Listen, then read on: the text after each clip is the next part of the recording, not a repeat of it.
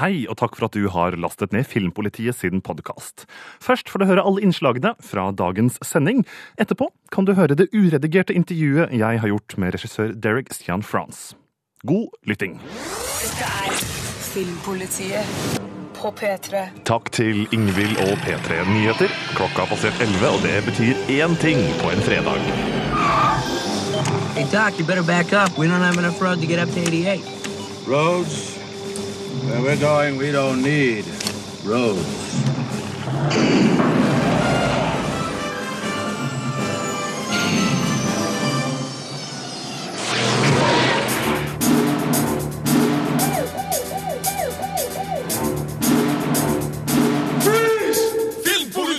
What's your name, scumbag? Rune Håkonsen, sir. I am Gunnery Sergeant Hartman, your senior drill instructor. From now on, you will speak only when spoken to. Endelig er det fredag formiddag. Jeg heter Rune Haakonsen, og fram til klokka er ett står popkultur i fokus her på kanalen. Regissøren bak ukas beste premierefilm på kino.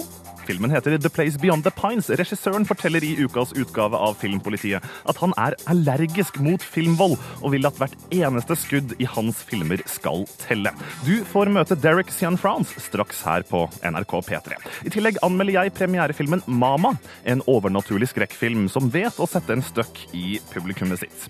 I tillegg ser vi på spillene Lego City Undercover og testosteronbomba Army of Two, The Devil's Cartel. Klokka den er syv minutter over elleve, og straks skal du få høre min dom over The Place Beyond the Pines. Og ikke minst så skal du altså få møte regissør, regissøren bak, her først på NRK P3.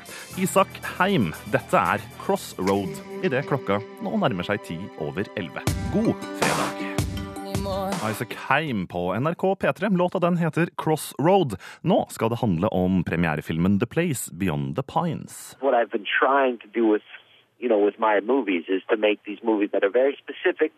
Uh, it's definitely my vision up on the screen, but I'm also trying to share it with an audience and let them, uh, you know, let them imagine, let them dream a little bit with me on the screen. Ladies and gentlemen, introducing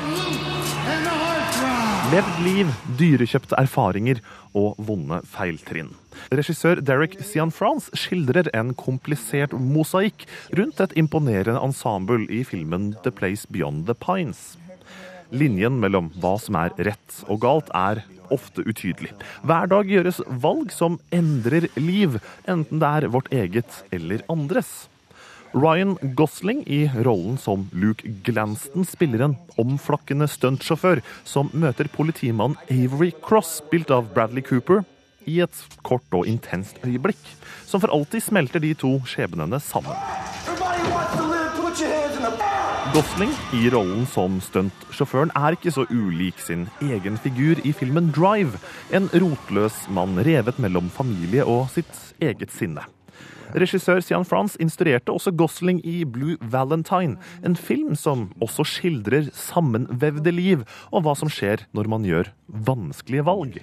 Filmspråket til Sian France skiller seg også ut fra den vanlige Hollywood-trenden og forteller med letthet hvordan menneskeskjebner kolliderer med og knuser den amerikanske drømmen. For filmen The Place Beyond the Pines handler like mye om den lille byen Schenectady i staten New York og det moderne og dysfunksjonelle USA. Um, Officer DeLuca, we're here to search your house. What for? We're looking for the money that Luke Glanton may or may not have given to you. Gjennom vanskelige forhold, spesielt mellom far og sønn, viser Bradley Cooper at han har et stort register å spille på. Han er, i rollen som politimannen Avery Cross, både en sympatisk helt og en far som ikke er til stede. Gosling maner fram den stillferdige og mystiske badboy-mannen i Luke Glanston, som på en annen side ønsker mer enn noe annet å være en god far. Denne dualiteten gjennomsyrer alle figurene i filmen, og mange av motsetningene fører til konfrontasjoner som griper langt inn i brystkassa. På mange måter kan The Place Beyond the Pines ses på som en kommentar, en kritikk av den amerikanske drømmen, hvor arbeider og middelklasse utgjør den viktigste kjernen i samfunnet. Men denne overbærende fortellingen blir hele tiden liggende bak, de personlige dramaene som utspiller seg på lerretet.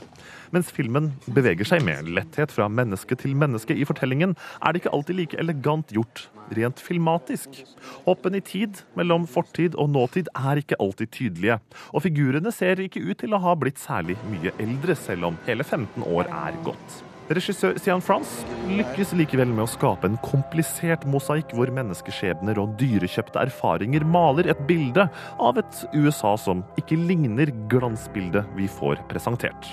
The Place Beyond the Pines er sår og vond, men det er også en film om håpefulle mennesker med en drøm om morgendagen.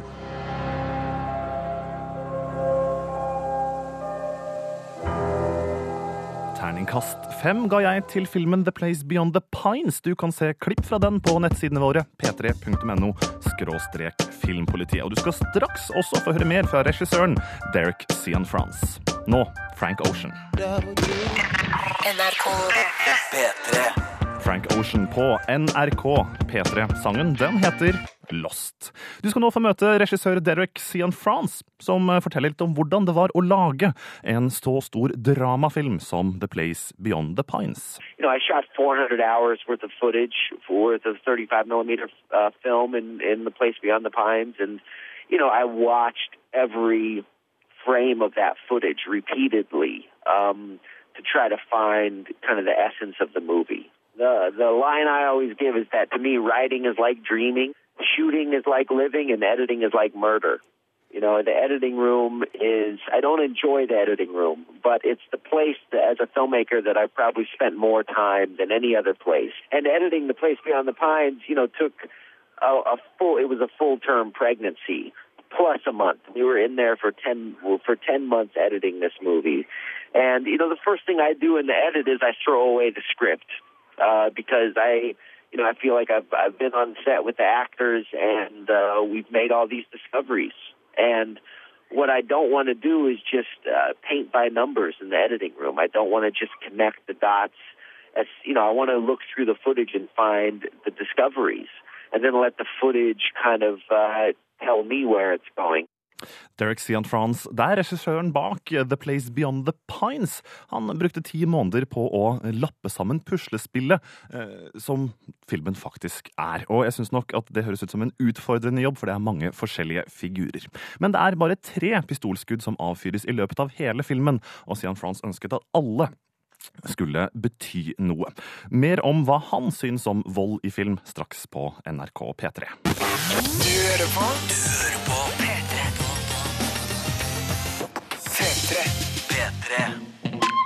Idet klokka nå nærmer seg ti på halv tolv, god fredag, så er det Luna George her på NRK P3. 'Attracting Flies'. Aluna George på NRK P3. Du hører på Filmpolitiet. Akkurat nå så snakker vi med regissør Derek Sian France i hans film The Place Beyond the Pines, som begynte på kinoer i dag her i Norge. Så avfyres det bare tre skudd, men hvert av de tre skuddene, de betyr mye. I legacy of American violence. I'm so tired of of the irresponsibility with violence in movies. Uh, you know, I feel like uh, 10,000 bullets get sprayed across our movie screens every day, and there's very rarely any kind of consequence to any of those bullets, you know? And, uh, you know, I, you know, I wanted to put a gun. You know, there's three gunshots in my movie, and I wanted them. If I was going to ever put a gun in a movie, I definitely wanted it to have an effect. I wanted it, there to be a consequence to that. And uh, you know, I'm not dealing with violence. I'm not interested in fetishizing violence. I'm not interested in how beautiful I can make violence. I'm not interested in how cool I can make it. I find an allergic reaction to to movies that do that, that fetishize violence or try to make it romantic. To me, violence isn't romantic; it's violent. And so, what I wanted to do was deal with the narrative of violence, the story of violence. And so, when you get to uh, you know, uh, you know, the violent moments in the place beyond the pines, there's no coming back from them. There's no sanctity of flashbacks after they happen. The speed of the violence in those moments happens as they would in real life in in in terms of it, happens very quickly and then there's no there's no going back there's no forgiveness for it and um you know, to, to me, I wanted to make a movie that dealt with violence in that narrative way. And yes, when I watched the movie with an audience, uh, at those surprising kind of violent moments, there there are I feel a transcendence in the in the movie theater. Sometimes I feel a sense of denial sweep over the movie theater that that couldn't have just happened, but it did, and uh, it's that same sense of denial that you would feel, I think, in real life if if a loved one or someone you knew, you know, had uh, you know you, you know uh, collided with a violent act. You know, there's no uh, there's no going back from it. It's there's a permanence, and there's and I wanted to deal with kind of you know the choices and the adrenaline that led up to that violent act, and then uh, the reverberation of it, the echo of it. Jeg er allergisk mot måten Hollywood behandler vold i film i dag, fortalte Derek Sian France, regissør bak filmen The Place Beyond the Pines, til meg i et telefonintervju som ble tatt opp i går kveld. Hvis du har lyst til å høre hele det uredigerte intervjuet, så går du rett inn på p3.no filmpolitiet. Der kan du lese mer om filmen, inkludert min dom. Og jeg vil jo gjerne at eh, du som har sett filmen, også går inn og sier din mening om The Place Beyond the Pines. Straks snur vi blikket mot spillverdenen her på NRK P3. Nå er det røyksopp. Remind Me. Casa Murillo, In for the Kill. Akkurat nå skal det handle om spill. God fredag, Andreas Hadsel Opsvik. God fredag. Du, du har eh, spilt uh, Army of Two, The Devil's Cartel. Det kom ut forrige fredag her i Norge. Den siste uka så har du fått testa testosteronnivået ditt uh, litt. Ja, jeg, mer jeg, merker at liksom stemmen min ligger et hakk dypere. Så mye testo testosteron er det snakk om i det spillet. Vi, vi kan høre litt lyd fra det. Bravo. You still with me, brother? El Diablo, you murderer. I'll fucking kill you! To me, your partner, your brother. Who is this girl to you? She is innocent. Oh, Ok, her snakker vi høyt testosteronnivå. Dette er kanskje et spill for bros, eh, hvis ikke jeg tar helt feil. Fortell, Hva slags type spill er det? Det her spillet er da et uh, skytespill, og det er en skytespill av, den typen som er, er veldig sånn uh, ganske strengt regissert. Du skal fra et sted til et annet, og mellom der er det fryktelig mange fiender. Som du bare må plaffe ned? Ja. Og så er det visst en sånn historie i bakgrunnen en plass om at uh, du er da en paramilitær organisasjon. Litt sånn innleide leiesoldater, nærmest. Noe greier der? Ja, og så er det noe med et, et sånn meksikansk uh, narkokartell og sånn. Men det er ikke så farlig. Det, det, det, blir, det, er litt den følelsen du får av det. Men, men, men, det høres jo ekstremt klisjéfylt ut, da. Altså Som et typisk skytespill som ikke har så veldig mye annet å by på enn selve skytinga. Ja, og det er det òg. Og som du hørte i lydklippet, det er veldig mye det her eh, harde, ordentlige, sterke følelsene som, som, egentlig ikke griper så hardt. da. Det er litt sånn, det er litt sånn pappfigurer med ulike masker. Steroidpumpa pappfigurer, kanskje, til og med. Yes, eh, ikke minst. Men du, det her er jo, altså det heter jo Army of Two. Det er uh, co-op-spilling, samarbeidsspilling, som er en viktig del av det. Hvordan, hvordan, hvordan fungerer det? Det fungerer eh, som de tidligere spiller i serien, Der er jo det tredje. Eh, så har de absolutt det, det, er veldig fokus på at du helst bør være to når du spiller her. Og det fungerer egentlig veldig greit. Altså det, det, er veldig sånn mekanisk fine funksjoner. Du har litt sånn for å, å kunne spotte fiender for hjelperen din og, og, sånt. Og så har du da de her figurene som du kan, i større grad enn tidligere i hvert fall, bygge sjøl. For de går rundt med sånne litt sånne meksikanske wrestlingaktige masker. Men hvis du er én spiller og har lyst til å spille aleine, går det? Det går an, og det, jeg syns egentlig det fungerer helt fint. For du, du har fremdeles litt sånn coop-element. Eh, at du kan sende figuren din eh, Eller din medhjelper fra. Ja, ja. Du kan styre litt, du kan gi han kommandoer, og han kan si at sånn Ja, nå, nå trenger jeg litt hjelp.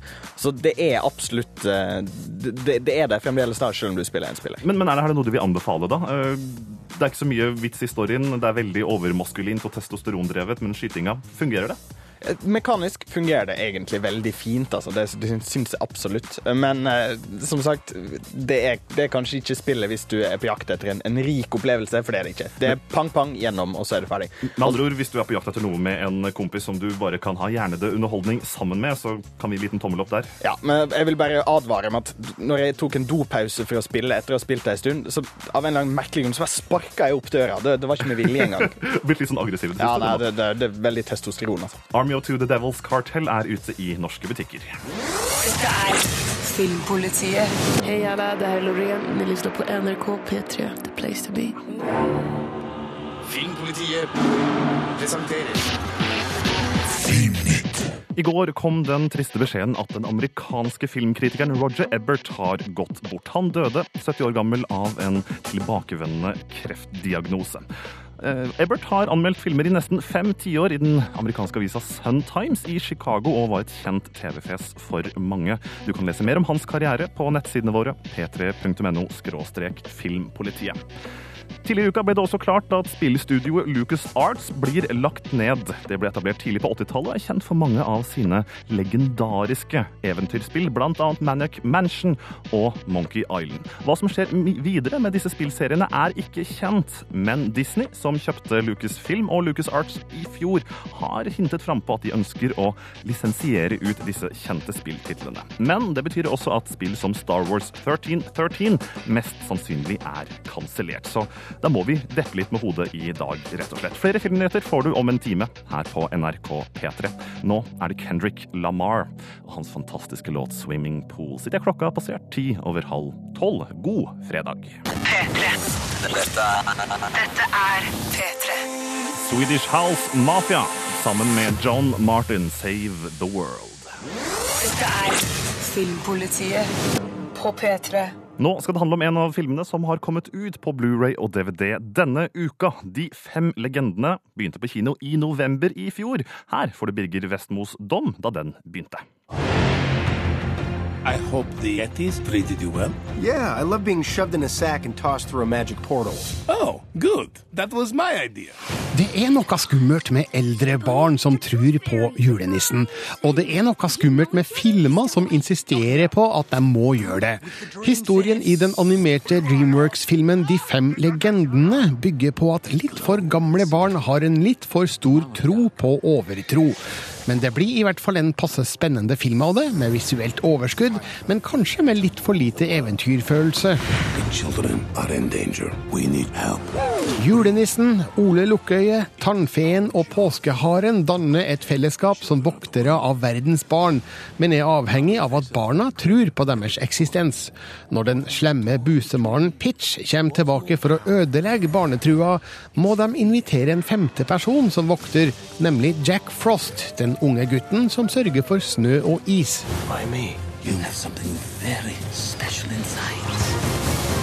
Regissør Peter Ramsey bruker et velkjent triks for å dekke over en litt slapp historie, nemlig å la begivenhetene flimre over lerretet i såpass stor hastighet at du ikke får tid til å reflektere særlig mye over hva som egentlig blir fortalt. Moralen kan være diffus. Det handler trolig om å ikke miste trua, men jeg rakk i hvert fall ikke å kjede meg. Det fins òg artige innfall og ideer her, som f.eks. hva tannfeen gjør med all tenna, og hvordan julenissens gaver egentlig blir laga. I always thought the elves made the toys. We just let them that. Hovedfigurene er morsomme kreasjoner, med distinkte særpreg og god stemmelegging i den norske versjonen jeg så. Jack Frost er kanskje en noe fremmed karakter, siden vi ikke har et forhold til han i Norge, men blir likevel et fint eksempel på hvordan en ensom figur blomstrer i et fellesskap. Busemannen er ekkel nok, men kunne gjerne vært litt slemmer. Det hadde barna tålt. De fem legendene vil underholde målgruppa godt, altså barn i skolealder, og den har mange kvaliteter på billedfronten. Men den mangler den spesielle historien som hever filmen over hopen, og jeg er prinsipiell motstander av fortellinga om at man må tro på gudelignende figurer for at de skal virke. Det blir litt for religiøst etter min smak. Ellers er det her en fin og ufarlig animasjonsfilm for hele familien. Birger Vestmo ga terningkast fire til De fem legendene, eller Rise of the Guardians, som den heter på engelsk, da den hadde premiere i november i fjor. Denne uka kom filmen ut på Blu-ray og DVD. Du kan gå inn på p3.no skråstrek filmpolitiet for å se klipp fra filmen. Om ca. ti minutter, når klokka har passert tolv, så får du høre min dom over den nye, aktuelle skrekkfilmen Mama, som begynner på kino i hele landet i dag. Nå er det Truls på P3. Svenske Avicii Avicii sammen med Nikki Romero på NRK P3 I Could Be The One. Nå skal du straks få høre min dom over ukens skrekkfilm, som begynner på kino i dag. Den heter Mama og er en nyinnspilling av en argentinsk kortfilm. Hva gjør amerikanske nyinnspillinger, da? Hm, de pleier jo gjerne å avsløre litt for mye. Dommen over Mama får du etter The Good, The Bad and The Zugly. Nowhere to go. Their parents gone. Alone in the wilderness for at least five years. Hey, Victoria. How they survived is unexplainable. Du har kanskje lest om dem. Ville barn oppfostret på egen hånd uten foreldre i ødemarken. Barn som har opplevd det ingen barn skal oppleve. Lilly og Victoria blir ført av sin desperate far ut i skogen. Han har gitt opp livet etter en alvorlig knekk i verdensøkonomien førte til at han tapte alt. Moren til de to jentene er allerede død. Mama begynner som en effektiv grøsser uten grafiske eller blodige scener, som ofte følger med amerikanske nyinnspillinger. Men filmen klarer ikke å holde spenningen oppe helt til rulleteksten starter. Victoria and Lily were found in deplorable conditions. Fem år etter jentene ble ført ut i skogen, blir de funnet alene og utmagret, som ville dyr. Onkel Lukas, spilt av danske Nicolai Koster Waldau, gav aldri opp håpet på å finne ut hvor det ble av niesene hans, og en dag ga letingen resultater. Jentene de ble funnet alene og tatt med til et sykehus hvor dr. Dreyfus kan undersøke dem. Kjæresten til onkel Lucas, Annabelle, spilt av Jessica Chastain, må legge livet som bassgitarist i et rockeband på hylla når de to jentene flytter inn sammen med henne og onkelen. Men det flytter også noe annet inn i huset. Have they been affected? They talk to the walls. And what did they say? Stille netter blir brutt av barnesang, av en kvinnestemme, mens de to jentene til stadighet roper på mama. Mørke hjørner, skap som ikke bør åpnes, og skygger beveger seg i øyekroken. Det er klassiske skrekkfilmingredienser i denne filmen.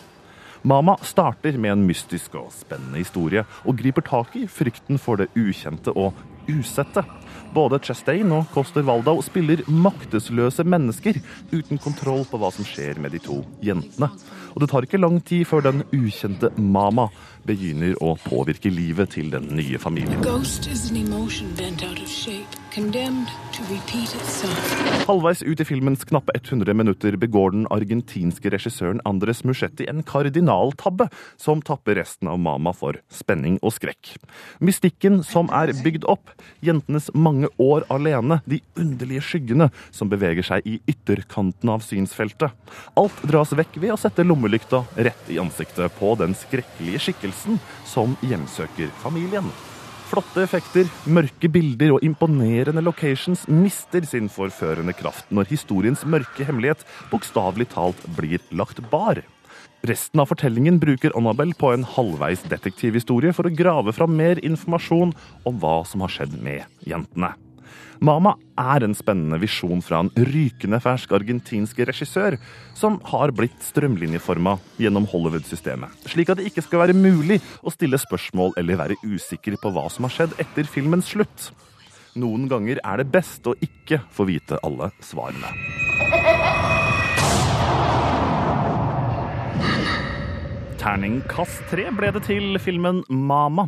Og jeg har lyst til å sitere den amerikanske filmkritikeren Roger Ebert, som dessverre døde i går. No good movie is too long, and no good bad movie is too short. Gå inn på p3.no skråstrek filmpolitiet for å se klipp fra Mama. Og hvis du har sett filmen og kanskje er uenig i min dom, så kan du gå inn og si din mening. Nå er det Macclemore, Ryan Lewis og Wans på NRK P3. Filmpolitiet på P3. He said phone? E-T. Home phone. Kurt Nilsen på NRK P3. Peter Jacksons tolkning av Tolkens Ringenes herre og Hobbiten-bøker er en real pengemaskin. Hobbiten, en uventet reise, har allerede tjent mer enn to av Ringenes herre-filmene og passerte i starten av mars den magiske grensa og har tjent inn over én milliard dollar. Og det er bare på kinobilletter. Mandag førstkommende kommer filmen ut i butikker på DVD og Blu-ray, men er den verdt å skaffe seg da? Hvis du ikke har sett den, vel å merke. Her får du, her får du Birger Vestmo sin dom om over filmen da den hadde premiere i desember. Far to the east, Over ranges and rivers lies a single solitary peak. The dwarves are determined to reclaim their homeland. All gode historier trenger en utbrodering, sier Gandalf i Hobbiten En uventet reise. Og det er nettopp hva denne filmen er, nemlig regissør Peter Jacksons utbrodering av hans eget magnum opus Ringenes herre-trilogien. Jeg elsker å være tilbake i denne verden, full av eventyrlige figurer, fantastiske syn og lumske farer. Det hender at historien strekkes litt langt, slik at den oppleves en smule tynn, og flere hyggelige gjensyn virker å være for gjensynets del, ikke ferdens fremdrift. Men denne første av tre filmer har en sterk finale, som får meg til å ønske mer, mer, mer. I'm looking for someone to share in an adventure. Filmen åpner med universet vi kjenner fra den første runden med filmer, før historien spoles tilbake til der J.R.R. Tolkiens bok begynner. Den unge Bilbo Baggins, spilt av Martin Freeman, får huset i Hobbsyssel invadert av en gjeng dverger under ledelse av Torin, spilt av Richard Armitage. Gandalf, spilt av Ian McKellen, har nemlig foreslått Bilbo som det 14. medlemmet av følget, som ønsker å vinne tilbake dvergenes kongerike Erebor fra den fryktelige dragen Smaug. Men ikke all vesener i Midgard ønsker at de skal komme seg dit. Helt fra de første trillende toner fra Howard Shores nydelige musikk er jeg hensatt til et kjent og kjært univers. Det tar ikke lang tid før jeg forstår at den rette eventyrfølelsen er på plass. Alt virker riktig, som det skal være. Figurene virker å ha eksistert i Midgard for alltid. Martin Freeman er en akkurat passende yngre utgave av Ian Holms gamle Bilbo. Richard Armitage er kanskje ingen ny Viggo Mortensen, men Torin fremstår som en målretta sverdsvinger med innbitt viljestyrke. Ian McKellen er like solid som han alltid har vært, som Gandalf, og er figuren som mer enn noen annen sørger for kontinuitetsfølelsen mellom Hobbiten og Ringenes herre. Gandalf. Ikke alt er perfekt. Spilletida er på hele to timer og 49 minutter, men kunne nok vært barbert med ca. 20. Det fins scener i filmen som føles for lange og utværa, som om Jackson bestemte seg for å like godt gi ut en forlenga versjon med det samme, ikke vent til Blu-ray-utgivelsen. Introduksjonen av dvergene i Bilbos hus er svært omstendelig og varer og rekk. Det samme gjelder en sekvens ca. midtveis, der Bilbo møter Gollum, spilt av Andy Serkis. Riktignok er det litt av en opplevelse å beskue Gollums tosidighet, takka være Circus sitt skuespill bak den digitale fronten, men sekvensen er å bli litt for lang. We know safe paths for hobbyists. Safe paths in the dark. Shut up! I didn't say anything. I wasn't talking to you. Bilbos reise er kanskje ikke like umiddelbart engasjerende som Frodos var i Ringenes herre. Hans funksjon er ikke like åpenbar, og har derfor ikke helt den samme emosjonelle slagkraften i historiens første fase. Men mye kan skje i løpet av en film, og når vi nærmer oss slutten, har Martin Freemans figur satt seg skikkelig. Det her er med på å gjøre Hobbiten en uventet reise til en vellykka eventyrfilm. Den møter enorme forventninger og innfrir de fleste av dem. Den har fantastiske ting å vise frem, og gjør det med filmatisk stormannsgalskap av en regissør som kjenner det her universet ut og inn. Så hatten av for Peter Jackson. Det er bare å glede seg til de to neste. Hobbiten en uventet reise er altså på å finne på Blu-ray og DVD mandag førstkommende. Neste film i serien har ikke premiere før 11. desember i år, så vi må fortsatt smøre oss med ganske mye tålmodighet før vi kan få se den på kino. I et nettmøte for ja, det er vel snakk knappe to uker siden så fortalte Jackson at fram til nå har vi fulgt Gandalf og følge gjennom Midgard, men nå splittes historiene opp, og vi får følge forskjellige rollefigurer, mens historien blir mer intens. Jeg merker at jeg gleder meg veldig. Du kan gå inn på p3.no skråstrek filmpolitiet for å lese mer om Hobbiten-filmene. Og så kan du jo sjekke ut, da, om du vil, anmeldelsen og si din mening om filmen. Filmpolitiet. I'm not the first guy who fell in love with a girl he met in a restaurant who then turned out to be the daughter of a kidnapped scientist, only to lose her to a childhood lover who she'd last seen on a deserted island and who turned out 15 years later to be the leader of the French underground. I know it. It all sounds like some bad movie. Filmpolitiet. Hey, this is Dan from Imagine Dragons, and you are listening to NRK P3. Are... Imagine Dragons på NRK P3. Låta den heter Demons. Filmpolitiet presenterer Filmnytt. Emma Stone er allerede bekrefta til Guillermo del Toros nye spøkelsesfilm, men nå har Sherlock-skuespilleren Benedict Cumberbatch også signert kontrakt til filmen. Cumberbatch er også straks klar med det som kan bli hans virkelig store Hollywood-gjennombrudd, nemlig som skurken i den nye Star Trek Into Darkness. Matthew McConaughey han fortsetter å sope inn kred-roller. Skuespilleren som tidligere har vært mest kjent for å kle av seg på overkroppen, har nå bekreftet at han skal spille hovedrollen i Christopher Nolans kommende science fiction-film Interstellar. Og Det blir veldig spennende å se om han klarer å leve opp til forventningene. Tim Burtons neste prosjekt, Big Eyes, med et manus skrevet av ingen ringere enn Ed Wood, begynner å ta form. Tidligere var det ventet at, Christoph, nei, tidligere var det ventet at noen andre skulle ta hovedrollen, men nå ser det ut til at Christoph Waltz og Amy Adams skal være i hovedrollene. Og Christoph Waltz han har god fart i karrieren sin i Hollywood nå for tida. Jeg er spent på hva han kan få til. På NRK P3 nå idet klokka straks er halv ett. Jeg sier god fredag, Calvin Harris og Florence Welsh, Sweet Nothing. Bravo! I loved that. Oh, it was great. Well, it was pretty good. Well, it wasn't bad. Well, there were parts of it that weren't very good, It though. could have been a lot better. I didn't really like it. It was pretty terrible. It was bad. It was awful. It was terrible. Get him away! Hey, boo! Filmpolitiet. Røyksopp sammen med Susanne Sundfør, 'Running to the Sea'. I påska kom det ut flere spill som kanskje har gått under radaren for de aller fleste. Hva får du f.eks. hvis du blander GTA og Lego? Svaret det er Lego City Undercover, som er ute nå til Nintendo Wii U. Nice to meet you, Chase McCain. Chase McCain? Chase? Chase McCain? Do not disturb me! Nær sagt alle Lego-spill som har kommet, er bygd rundt en kjent merkevare. De siste årene har spill som Lego Indiana Jones, Lego Star Wars og Lego Harry Potter gjort stor suksess. Ikke bare pga. et kjent navn, men også pga. godt spillhåndverk.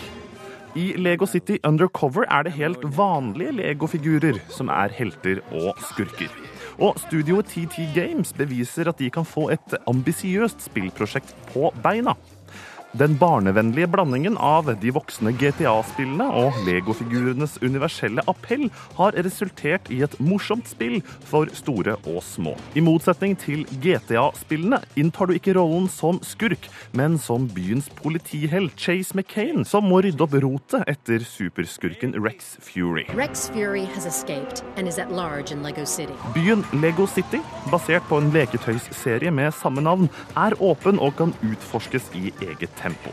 Mens andre Lego-spill ofte tvinger spillere langs lineære brett og fortellinger, kan du velge å bare utforske dette spillet. Selve byen er ikke så omfangsrik som f.eks. GTA 4, men inneholder nok til at jeg blir overrasket over hemmelige områder, selv mot slutten av den knapt 15 timer lange hovedhistorien. Oppdragene, som introduserer en hel rekke sidefigurer og skurker, består av mye kjøring, plattformhopping, kamper og noen vanskelige gåter. Gjerne godt blandet sammen til en utfordrende og morsom spillopplevelse. Hey, Ellie, do we have any super bricks out the back of the police station? I need to rebuild the ferry. Okay, you should be able to use your communicator as a data scanner now. It'll show up any super bricks nearby. Stemmeskuespillet er overdrevent, og humoren er overtydelig. Men i Lego-universet fungerer dette. Overdrevne figurer skaper tydelige motsetninger mellom det gode og det onde. Det føles litt ut som å sitte og leke med Lego, som da jeg var liten.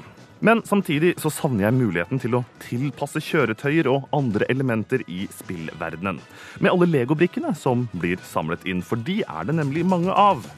Ferdige strukturer kan automatisk bygges opp ved hjelp av et enkelt knappetrykk, lik andre Lego-spill, men friheten til å bygge det du selv vil, som Lego-brikkene byr på i virkeligheten, er ikke gitt spillerom i Lego City Undercover. Grafikken er fin og blokkete, akkurat slik et Lego-spill skal være, men lastetidene er grusomt lange. Er du først ute i byen, er ikke dette noe problem. Da er alt sømløst. Men skal du enten inn i en politistasjon eller laste inn et lagret spill, må du vente opptil 60 sekunder før spillet kommer i gang. Det er altfor lenge. Ah. Spillområdet, ja, det er kanskje litt for lite, og jeg savner da muligheten til å bygge noe med alle legoklossene jeg samler inn på mine eventyr med Chase McCain. Lego City Undercover er fortsatt en god og barnevennlig Lego-versjon av GTA, med mye tørr humor og mange morsomme ideer. At spillet kun er tilgjengelig på Wii U-konsollen er dumt, for dette spillet fortjener et større publikum. Lego møter GTA-spillene i Lego City Undercover. Du kan lese min anmeldelse og se klipp fra spillet på p3.no skråstrek filmpolitiet. Hvis du allerede har spillet, har lyst til å si din mening, så går du inn i kommentarfeltet. Sjekk altså p3.no skråstrek filmpolitiet. Nå The Airborne High Fives fra Trondheim. Dette er låta som heter Monster. Pardon Sons, I Will Wait, før det trondheimsbandet The Airborne High Fives med låta Monster. Animasjonsfilmen The Croods er den mest sette på kino denne uka. Hele 40 000 har gått på kino siden sist fredag for å få med seg Dreamworks sin animasjonsfilm om steinaldermennesker. Hele 60 000 så den også i påskeuka. Det betyr at 100 000 nordmenn har vært og sett animasjonsfilmen. Hvis du vil si din mening, hva du synes om filmen, så kan du gå inn på p3.no skråstrek filmpolitiet. Sjekk ut min anmeldelse der og si din mening. Her får du høre min dom fra forrige uke.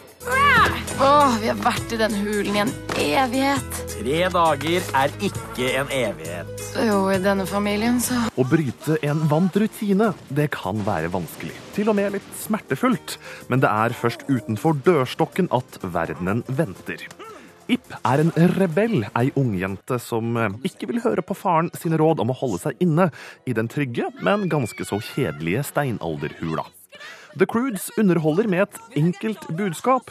Gå din egen vei, og du vil finne lykken. Nytt er alltid ille. Aldri ikke vær redd. Livet i steinalderen er knallhardt, og Croods-familien er hulemennesker i ordets rette forstand. De holder seg innendørs for å unngå farene på utsida så lenge de kan. Når sulten likevel tvinger dem ut på jakt, så skjer det ofte raskt og ofte uten hell. Ip lurer på hva poenget er med livet, med å være innestengt hele tida. Hun har nysgjerrigheten til å utforske, men også til å havne i trøbbel.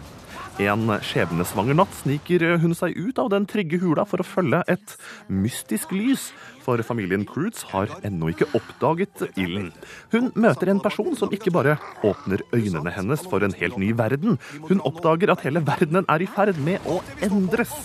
Familien må reise vekk fra den trygge hula for å overleve. Utfordringene for familien og Ip de står i kø.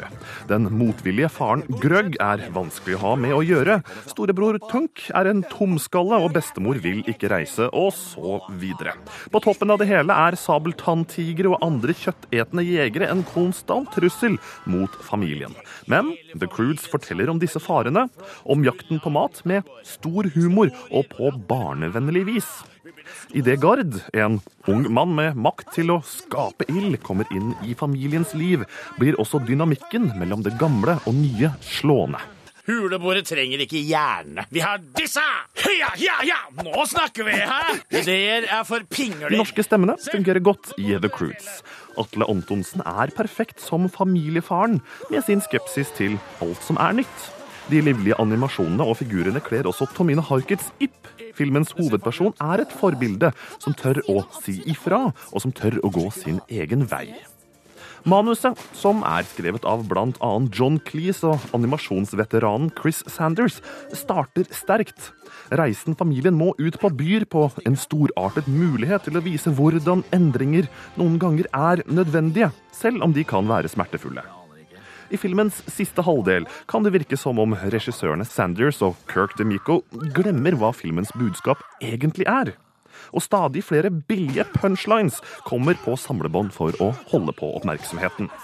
Musikken fra Alan Silvestri bygger opp under følelsen av å utforske en helt ny verden, og sammen med den lekne og fargerike dataanimasjonen er skildringen av steinalderlivet alt annet enn grått og kjedelig. 3D-effekten overdrives litt for ofte med både fugler og flammer rett opp i ansiktet. Men The Croods er en god familiefilm med ei heltinne som tør å gå sin egen vei. Alle sammen inn. Hei, denne hula har tunge! Kult! Stavanger Aftenblad trilla terningkast seks til filmen The Croods, mens Adressa i Trondheim trilla terningkast to.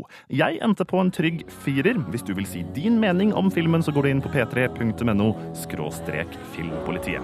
Nå får du Rudimental og Ella Ayer på NRK P3, Waiting All Night. Rudimental og Ella Ayer, nest siste låt ut i dagens Filmpolitiet. Sangen den heter Waiting All Night. Klokka nærmer seg ett, og det betyr at P3 Nyheter snart skal gi deg en nyhetsoppdatering. Filmpolitiet er tilbake neste fredag. I mellomtida så kan du gå inn på nettsidene våre p3.no, eller laste ned vår podkast. På bonussporet denne uka får du he høre hele det uredigerte intervjuet jeg gjorde med Blue Valentine og The Place Beyond the Pines-regissøren Derek Sian France. Jeg heter Rune Håkonsen, sier god helg og god fredag. Dette er Muse og Madness. Filmpolitiet! Du har nettopp hørt alle innslagene fra dagens Filmpolitisending. Nå skal du få et lite bonusspor. Det hele og uredigerte intervjuet jeg gjorde med regissøren Derek France. Jeg må også advare om at dette intervjuet kan inneholde noen viktige spoilere for filmen The Place Beyond the Pines. Du er herved advart. My name is Derek Ian France. Um, I, I saw an interview you did recently with a blog called firstshowing.net where you talked a little bit about your relationship with the film as a medium. And you said, um, movies are like friends. I like to visit them over the course of my life. So I'd like to start by asking you, do you feel that movies change over the years as you watch them again? Uh, yeah, my my favorite films definitely definitely change, uh, and and I know that the films aren't changing. I know that they're the same, but I think what what, what what's changing is me. But what the films that I uh, gravitate towards are the ones that are are made with a certain openness. Uh, they're they're films that are made where the audience has a uh, where they're allowing the audience in on the imagination of the film, and so uh, you know a, f- a film like uh, Contempt by Godard, for instance, or A Woman Under the Influence by Cassavetes, or uh, Gospel According to St. Matthew, as I watch those films over the course of my life, they seem to change. They seem to, uh, they seem to, uh, you know, I, I have new ideas about them. I remember the first time I watched A Woman Under the Influence, I thought Jenna Rollins was crazy in the movie. Now uh, I watched it a year ago for the 50th time, and, and I felt like she was the only sane one in the movie. And I, I love that about a film that's that's open enough to allow the audience in on its imagination, you know, and that's what I've been trying to do with you know with my movies is to make these movies that are very specific. Uh, it's definitely my vision up on the screen, but I'm also trying to share it with an audience and let them uh, you know let them imagine, let them dream a little bit with me on the screen. Mm. The principal photography on The Place Beyond the Pines was done, was it late summer 2011, if, if I'm not mistaken? Uh, yeah, yeah, late. Yeah, it was uh, July, August, and September of 2011. So we're at uh, one and a half years after the film is coming out now. So I'm, I'm kind of curious, do you approach your material in a different way in the editing room now when it's done uh, than when you're filming it? Is it different? Uh, yeah, I mean the way the the line I always give is that to me writing is like dreaming, shooting is like living, and editing is like murder. you know, the editing room is I don't enjoy the editing room, but it's the place that, as a filmmaker that I've probably spent more time than any other place. and editing the place beyond the pines, you know, took a, a full it was a full term pregnancy plus a month. We were in there for ten for ten months editing this movie, and you know the first thing I do in the edit is I throw away the script uh, because I you know I feel like I've I've been on set with the actors and uh, we've made all these discoveries and. What I don't want to do is just uh, paint by numbers in the editing room. I don't want to just connect the dots. As you know, I want to look through the footage and find the discoveries and then let the footage kind of uh, tell me where it's going. So, you know, I shot 400 hours worth of footage, worth of 35 millimeter uh, film in in the place beyond the pines, and you know, I watched every frame of that footage repeatedly um, to try to find kind of the essence of the movie. And you know, to me, it's like to use a cooking metaphor. It's like uh, editing is like uh, cooking cooking a good stock or a good soup or something. I think you put your, all your elements in the pot, and then you just have to slowly, slowly boil them down to their essence. Mm. Uh, the place where the movie takes place, uh, the name is very hard to pronounce for me, but uh, I think it's Schenectady, if I'm not very Yes, off. that's right, Schenectady. um, I, I- and I felt the movie was a very much a, a portrait of this place and the people that live there. And I, I'm kind of wondering why this specific town is important to you, and and what does the meaning of the name mean to you personally? Yeah, um, yeah, Schenectady is where my wife grew up, and it's where my co-writer Ben Cochio grew up. And um, you know, as I had been visiting my wife's family for the past ten years, I, I felt like I was always scouting that place of Schenectady. Um, you know, it's it's this uh, kind of typical American city. Uh, and when I say that, a typical modern American city. Uh, Schenectady used to have, you know, the economy has kind of taken a hit. You know, it's it's not as strong as it once was. G- General Electric used to have their stronghold in Schenectady, and at one time they employed around fifty thousand people. Uh, now uh, General Electric is still there, but they employ about 3,500 people. So there is, you know, there was a real effect to the to the economy, and it reminds me of of a place like Detroit. You know, m- maybe more of a small town version of Detroit, or or Rochester, New York, where Kodak is and was, and uh, like all of these kind of in post-industrial American cities that have kind of uh, that are struggling, you know, to, to keep a to keep a hold. And uh, you know, one of the things I've wanted to do with my movies is tell stories about people uh, that I know and the people that I relate to, the people that I come from, the people that I that I have the same spirit as is is is those people in kind of these modern American places uh, like that. So I'm making a very distinctly American film that takes place in this American city, and it's it's kind of a, a portrait of of what it's like you know the kind of the struggles to live there. One one of the things I was I was thinking a lot about was American tribalism, and uh, you know when you're born into a you know to a small city like this, and um, you know kind of thinking that you know you have no choice uh, as to the world to which you're born into. And I was thinking of the tribes in America and uh, what happens when these two different tribes eventually collide in a small city. Because normally in a place like Schenectady, the tribes of Schenectady stay away from each other. They don't interact. There's no there's no collision between you know except except between the cops and the and the criminals. You know, um, but I kind of wanted to tell like more of a human story where the cops weren't necessarily the good guys and the criminals weren't necessarily the bad guys. Where there was more of a gray area in between there. It wasn't so black and white. You know. Mm. Um, and so that's why that's why I chose to shoot in Schenectady, and uh, uh, yeah, and uh, you know, I'm very happy I did. I I've, I've yet to shoot a film in a in like an idyllic place. You know, I, I shot my last film, Blue Valentine, in Scranton, Pennsylvania, which also rem- reminds me a lot of Schenectady. These characters, uh, you mentioned the duality of them, that they are like the cops are also bad, but the bad guys are also good. I, I found this very fascinating and, and see when they meet. Uh, but did you have multiple characters like ready when you started writing or working with this idea, or did you have one person ready and, and wrote the others in? How did this process go? How, how did the characters come about? Yeah, um, yeah. Well, you know, I, I, I always write from a very personal place. I started writing this in 2007 when my wife was pregnant with our second son, and I was thinking about legacy. I was thinking about uh, kind of this, this fire that uh, kind of raged within my family for generations. And, you know, I was thinking, you know, my my grandfather had it, my father had it, I have it, and I was thinking about this baby that was going to come into the world, and I didn't want him to have it.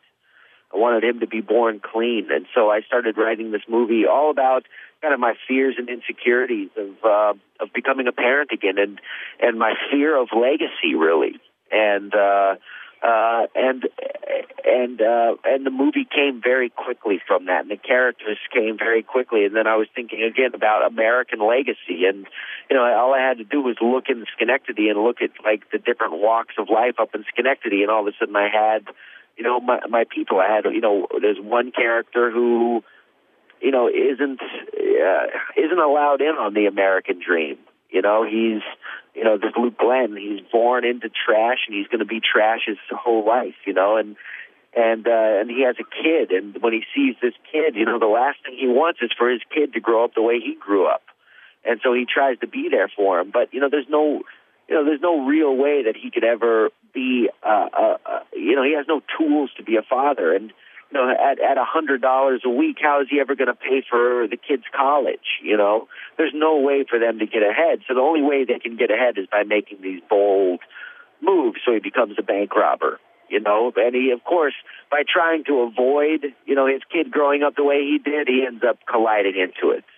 Uh, and then conversely, I wanted to talk about the other side of the tracks with uh, with a with a guy, you know, Avery Cross, who was kind of born into royalty in this small town of America, and you know, who is expected to assume the mantle of power that his father has uh, has provided for him. But but thinking about this guy who wants to be his own man, who wants to carve his own path, doesn't want to just be born into it. He has a, a sense of hubris that way, you know, uh, a sense of ambition that he wants to be his own man, and so he decides to be a cop. And as a cop, he makes this mistake, you know, and that mistake, instead of owning up to the mistake and owning, you know, and, and taking the punishment or the consequences for that mistake, he ends up burying it and then that mistake, uh, you know, kind of corrupts him. Uh, and uh, you know, again, these are all things that I felt, uh, you know, that I felt just through my observations of people, and also just looking kind of deep inside my own soul as a as a father and as a son, and uh, you know, just trying to deal with my own, you know, kind of fears and vulnerabilities and insecurities, and also my hopes and dreams. Hmm. I, I kind of saw the movie as a critique of the current state of the American American dream. Is this something that you intentionally wanted to to convey? Well, yeah, I mean, you know, I, I'm trying to make American movies, and I'm trying to make American movies about the America as I see it, and uh, you know, I, uh, you know, I, I've I, I film my movies with American iconography, and uh, you know, Blue Valentine ends on the Fourth of July, the celebration of independence. You know, with the fireworks. You know, which is you know juxtaposed against this disillusion of the of the you know of the American family, and uh, yeah, I'm uh, you know I'm an American. I grew up in America. I've uh, observed America my whole life, and I'm trying to reflect what I've what I've seen and and where I feel you know our country is uh, through my through my through my films you know, I'm I'm definitely, uh, uh, yeah, I'm definitely uh, trying to make an, uh, American movies. You know. Hmm. I think both uh, your movies that have been shown in Norway, Blue Valentine, and now now the Pine, the the Place Beyond the Pines, they revolve around different kind of relationships um, in in between people. But in Blue Valentine, you had two people in the center, and and and this movie has a larger uh, ensemble of actors. Could you describe a little bit the differences of working with, with two actors so closely, and, and this time a larger group? Yeah, I mean it's it's the micro versus the macro. You know, um, you know, and you know, Blue Valentine was two people under a microscope. This the the place beyond the pines has fifty six speaking roles. Uh, so you know, but at this at the center of my process with actors is still very much the same, and I'm still interested in he, the the human, the, the human being. I'm interested in uh, the psychology and the heart and the soul of a human being, and I'm trying to just put these kind of conflicted. Uh, human beings as I see them up on the screen. You know, uh, uh, I'm trying to put the beautiful, you know, I'm trying to put the the beautiful ugliness on the screen and the ugly beauty up on the screen of people. You know, I feel like to me, uh, the thing, you know, uh, oftentimes in in Hollywood movies and American movies, I find this pr- uh, prevalence of perfection uh, that I don't really relate to. You know, I don't really. Uh, oftentimes, I go to a movie and I feel so alone afterwards. I feel like I don't know those people up on the screen, and I feel like, why isn't my life like that? You know. So what I've tried to do with my movies is create some sort of comfort for me as a moviegoer, as a man, as a as a as a human being that that trying to put people up on the movie screen that I can relate to. You know, I think I think in terms of like Hollywood perfection, I think you know it's the, Hollywood is oftentimes making movies in the image of God. You know, it's and God is perfect, but I feel like humans are flawed, and I think that that's what makes us special. That's what makes us interesting. Uh, is our, is our flaws. So my movies are really a celebration of those of those human flaws, of the ugly beauty. Um, I saw the movie for the first time this week, and I, I really identified with Luke Ladston, Ryan Gosling's character. And I I was actually quite shocked when he was killed off very early in the movie. Uh, so I'm kind of curious, have there been any reactions to this uh, around when you've shown the movie? Oh yeah, absolutely. I mean, it's uh, you know this this movie. I wanted to make a movie about real consequence. You know, consequence to choices. You know, as uh, you know, I've, I, uh, you know, as a as a film goer, you know, modern, you know, you know, nowadays, I've, I've I feel a bit. Uh, I'm so tired of of the irresponsibility with violence in movies. Uh, you know, I feel like uh, 10,000 bullets get sprayed across our movie screens every day, and there's very rarely any kind of consequence to any of those bullets, you know? And, uh, you know, I, you know, I wanted to put a gun. You know, there's three gunshots in my movie, and I wanted them. If I was going to ever put a gun in a movie, I definitely wanted it to have an effect. I wanted there to be a consequence to that. And uh, you know, I'm not dealing with violence. I'm not interested in fetishizing violence. I'm not interested in how beautiful I can make violence. I'm not interested in how cool I can make it. I find an allergic reaction to to movies that do that, that fetishize violence or try to make it romantic. To me, violence isn't romantic; it's violent. And so, what I wanted to do was deal with the narrative of violence, the story of violence. And so, when you get to uh, you know, uh, you know, the violent moments in the place beyond the pines, there's no coming back from them. There's no sanctity of flashbacks after they happen.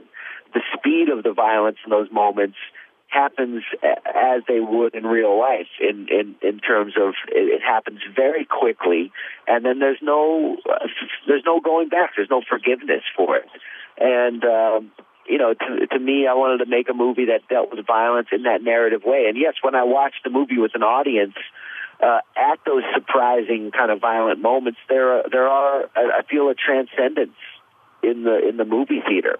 Sometimes I feel a sense of denial sweep over the movie theater that that couldn't have just happened, but it did, and uh, it's that same sense of denial that you would feel, I think, in real life if if a loved one or someone you knew, you know, had uh, you know you know uh, collided with a violent act. You know there's no uh there's no going back from it. It's there's a permanence and there's and I wanted to deal with kind of you know the choices and the adrenaline that led up to that violent act and then uh the reverberation of it the echo of it. And uh you know, and then when we go and you know talk about American filmmaking again, and uh, you know my my view of America, you know, I think about this American country that was really founded on ruthlessness and brutality. You know, there is so much blood spilled in this country uh, for now my freedom, for my domesticity, you know. And uh, I wanted to make a film. I don't think that ever goes away. I wanted to make a film that was kind of about that uh, legacy of American violence and how it it never goes away. How it really affects uh, and continues to affect generations. I, Rooney, I'm sorry to interrupt. Time for last question. Yes, uh, I just got to say I, I, really identify with the, the, the reactions you described there. Um, last question. Uh, this is the second film you made with uh, Mr. Gosling, and I'm I'm curious, will this cooperation continue with more movies in the future? I, I, I certainly hope so, hope so. Um, you know, he's out directing his his film now. My wife has a role in his new film. My wife Shannon Plum. So you know, we're we're good friends and uh, you know, Brian is a magic person. He makes you know, he makes the world a better place, and I think he makes the movies that you're making better movies. Um, I will say with Pines, it felt like destiny that it was that it was him that was in the role. I remember remember I was at his agent's house in 2007, and we were having dinner, and this was two years before we shot Blue Valentine, and I uh, I asked him. I said, "Do you have fantasies anymore? Do you dream of anything anymore?" And he said, "Well, he always wanted to rob a bank." And I was six months into writing The Place Beyond the Pines at this time, so I told him, "Well, that's crazy. You know, I'm writing a movie about a bank robber." I said, "Have you given it any thought how you would do it?" And he said, "Well, he thought he would do it on a motorcycle because he could go in with a helmet and it would, you know, disguise his identity, and then he'd leave on a motorcycle because they're fast and they're agile." and uh, then he'd have a cube truck parked about four blocks away, and he'd drive the motorcycle into the back of the cube truck, and all the cops would be looking for a motorcycle, not a cube truck. And I said, "That's crazy. That's exactly what we've written into the script." So it was really one of these moments of destiny, uh, you know, between us, and uh, uh, you know, we'll see if that if that same destiny happens uh, happens in the future. I sure would be. Uh, uh, yeah, feel fortunate. Uh, and, and blessed uh, to continue to work with him. All right, Mr. Cinephron, thank you very much for your time. I appreciate your time. Filmpolitiet